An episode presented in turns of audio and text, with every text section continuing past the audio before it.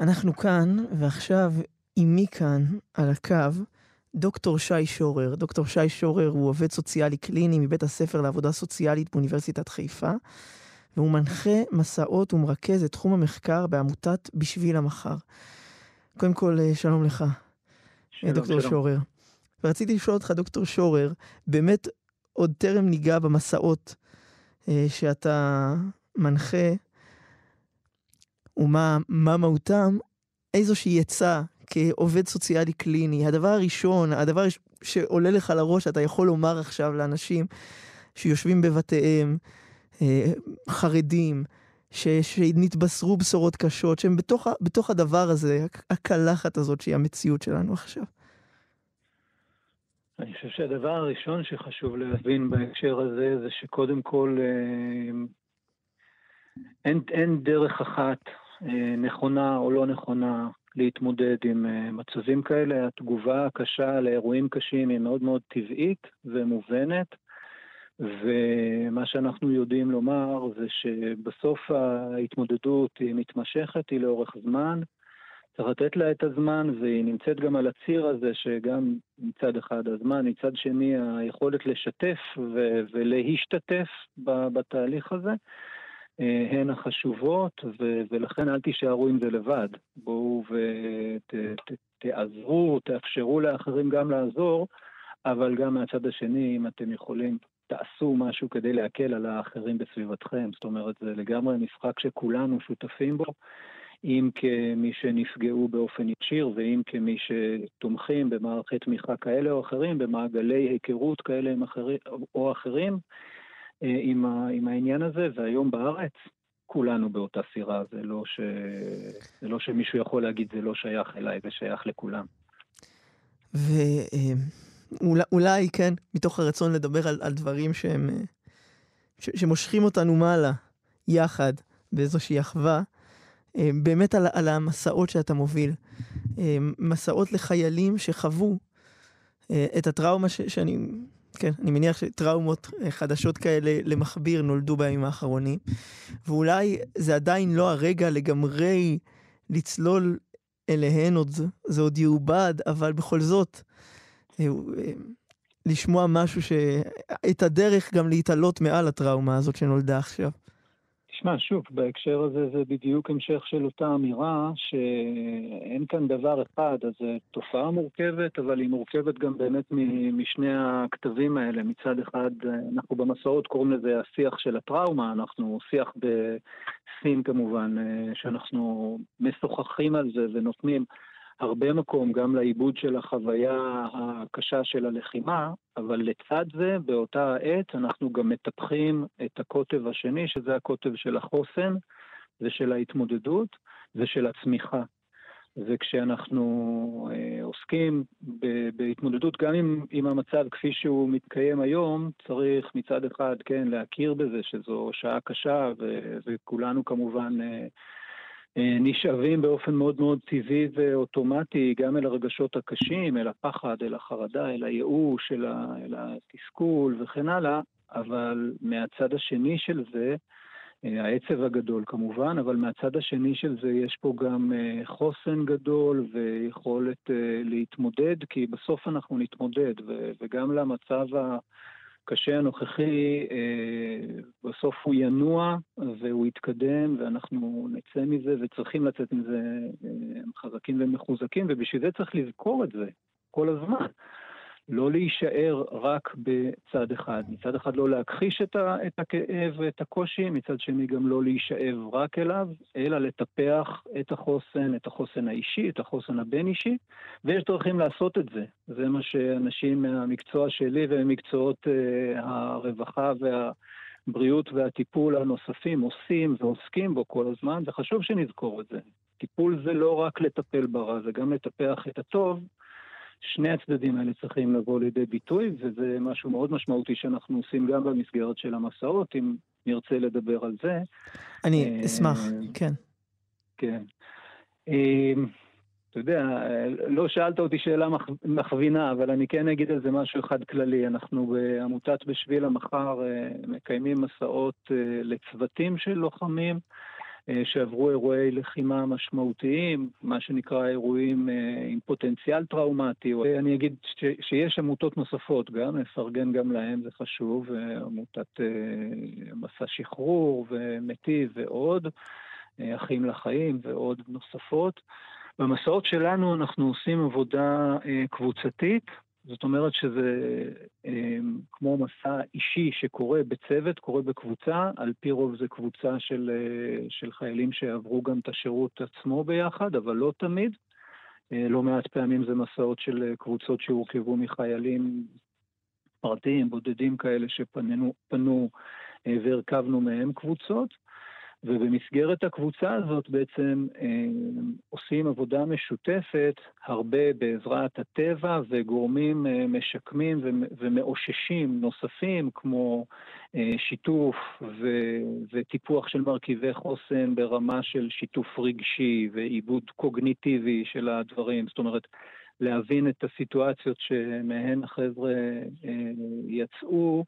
על כל ההיבטים שלהן, לא רק על המצוקה, אלא גם על אה, איזה מחשבות שליוו אותם במהלך האירוע, בעקבות האירוע, אה, וגם הרבה עבודה של גוף ונפש כדי להקל על הרגש, והנה, לעורר גם רגשות אחרים, לעורר גם רגשות אה, חיוביים שלא מפסיקים להתקיים, אפילו אחרי חשיפה למצבים מאוד מאוד טראומטיים ומאוד מאוד קיצוניים. ודרך העבודה הזאת באמת אה, קורים שני הדברים, מצד אחד עיבוד של הטראומה ומצד שני טיפוח של החוסן. אה, אני יכול לומר בהקשר הזה שבתור מי שלא רק מנחה את המסעות האלה, אלא גם אה, עוסק הרבה במחקר של הנושא זהו, אני רציתי לשאול אותך על, על מחקריך, על הקשר בין, בין טראומה ל, לתחושת בדידות אצל חיילים, כן? אני, אני מניח, ואני לא בקיא, אבל אני מניח ש... שהטראומה היא גוזרת בדידות בגלל כמה שהיא אישית. בסופו של דבר, את האירוע, גם אם נעבור בנוכחות של אנשים אחרים, החוויה היא מאוד מאוד אישית. וזה, אתה יודע, זאת אה, אמת אקזיסטנציאליסטית, אמת קיומית. בסוף כל אחד מרגיש את הדברים בעצמו, לעצמו, וכל אחד מרגיש דברים באופן קצת אחר. אה, ויש לו מחשבות משל עצמו, שקשור ברקע שלו, בעבר שלו, במרכיבים הביולוגיים שלו, זה לגמרי לגמרי חוויה אישית. כך שבטראומה תמיד יש גם מרכיב מאוד מאוד משמעותי של בדידות. אף אחד אחר לא יכול להבין ולהרגיש את הדברים כפי שאני מבין ומרגיש אותם. However, כאילו, מהצד השני של זה, היכולת שלנו להתאושש מחשיפה למצבים קיצוניים וממצבי טראומה ואסון, היא דווקא בעזרת אחרים. אה, יש את האמירה הזאת שטראומה שנעשתה גם במקום שבו היו אנשים אחרים, בטח בשדה קרב, שבו אנשים פוגעים אחד בשני בצורה כל כך קשה, בימים האחרונים אנחנו נחשפים לזה בצורה נורא נורא קיצונית כמובן.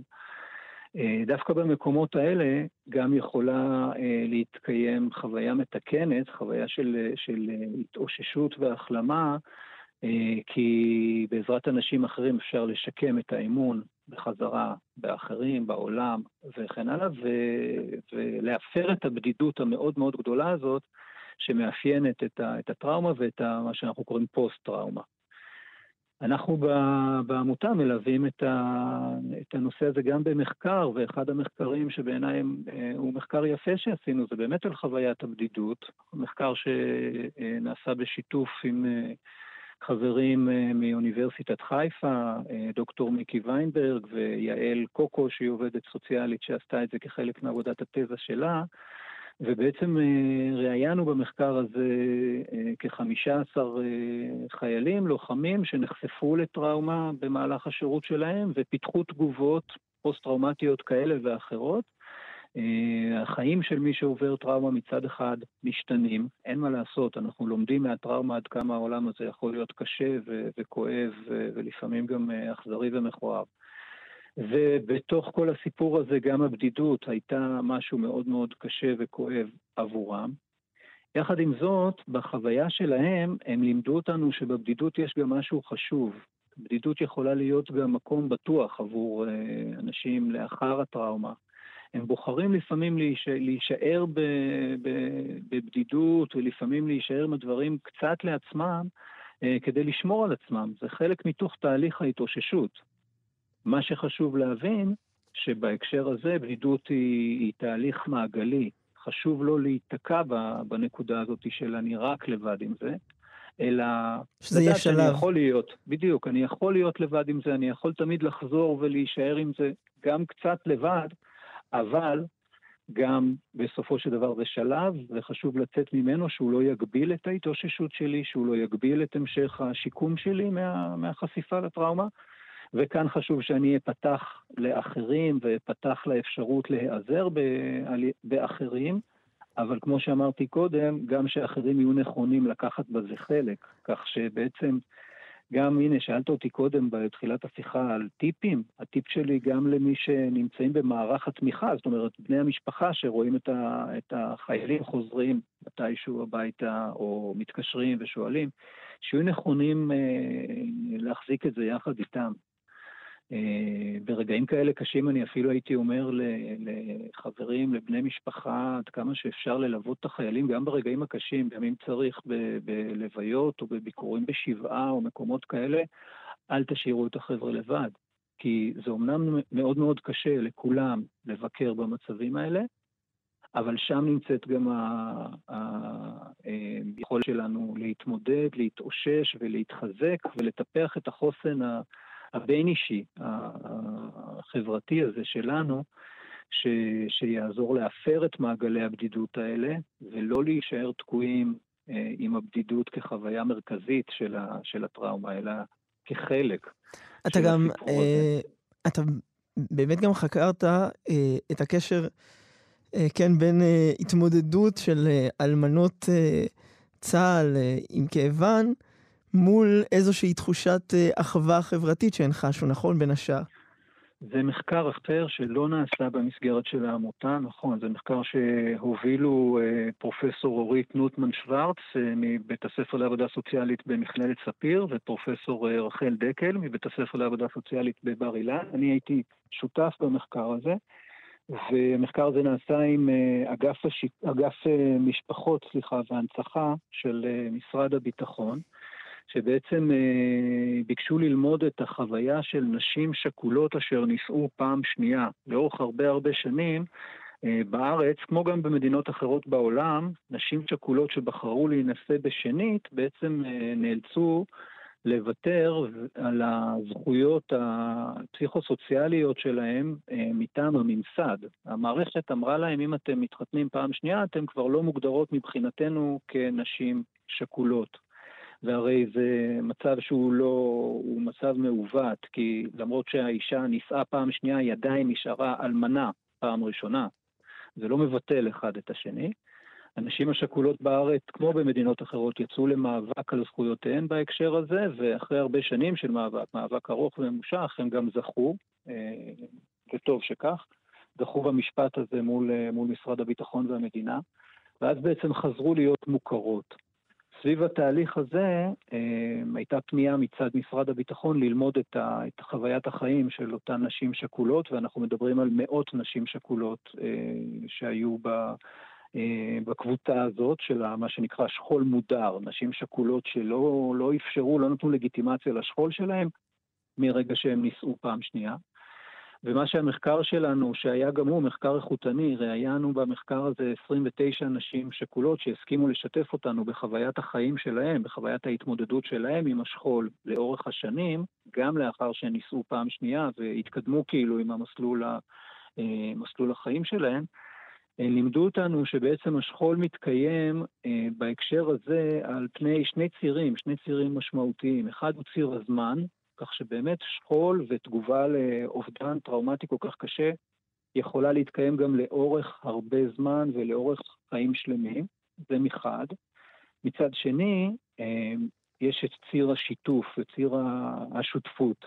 הנשים, חלקן היו נכונות לשתף, והסביבה שבה הן היו, אה, בעצם אה, לא כל כך הייתה מוכנה לקחת בזה חלק, קרי העניין הזה שמשרד הביטחון בעצם מידר אותן מארגון אלמנות צה"ל והנשים השכולות, וגם אנשים בסביבה פשוט נרתעו מלדבר על זה, פחדו מלעסוק בנושא הזה. אה, ומצד שני, גם הן בעצמן למדו שעדיף להן לשתוק, שעדיף להן לא, לא, לא לדבר את זה, ו, ולפעמים גם הן עצרו את השכול, את, ה, את הביטויים של השכול בחייהן, אה, ובעצם מה שזה יצר זה, זה מטען רגשי שהוא מיותר והוא כואב וקשה. שרק ברגע שהם קיבלו בחזרה את הזכויות שלהם והתאפשר להם בעצם שוב לקחת חלק בצורה מלאה בתהליכי ההתמודדות והעיבוד של, ה, של האובדן הממושך הזה, של האובדן, סליחה, הקשה הזה, הם יכלו בעצם לחזור למסלול של טיפול ושל שיקום ושל התאוששות. אז אם אפשר לשים כותרת. אני חושב על כל השיחה הזאת שלנו, שהיא באמת הייתה מעמיקה, זה שאיזושהי פתיחות ואיזושהי אוזן קשבת של האחר, לתת למי שעובר את התהליכים הללו את המקום לעבור אותם, בין כשהוא רוצה להשתבלל אולי בשלב ראשון לתוך עצמו, וודאי כשהוא עובר לשלב אחר שבו אולי הוא מתחיל להיות יכול לדבר, אנחנו צריכים להיות כחברה האוזן הקשבת הזו. וגם לאפשר את זה ולעודד את זה ולהיות מוכנים לקחת את החלק שלנו בסיפור הזה, כן.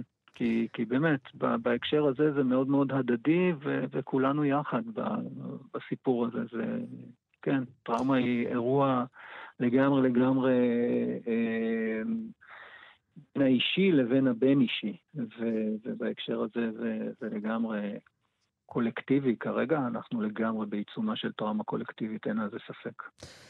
דוקטור שי שורר, עובד סוציאלי קליני מבית הספר לעבודה סוציאלית באוניברסיטת חיפה, ומנחה מסעות ומרכז תחום המחקר בעמותת בשביל המחר.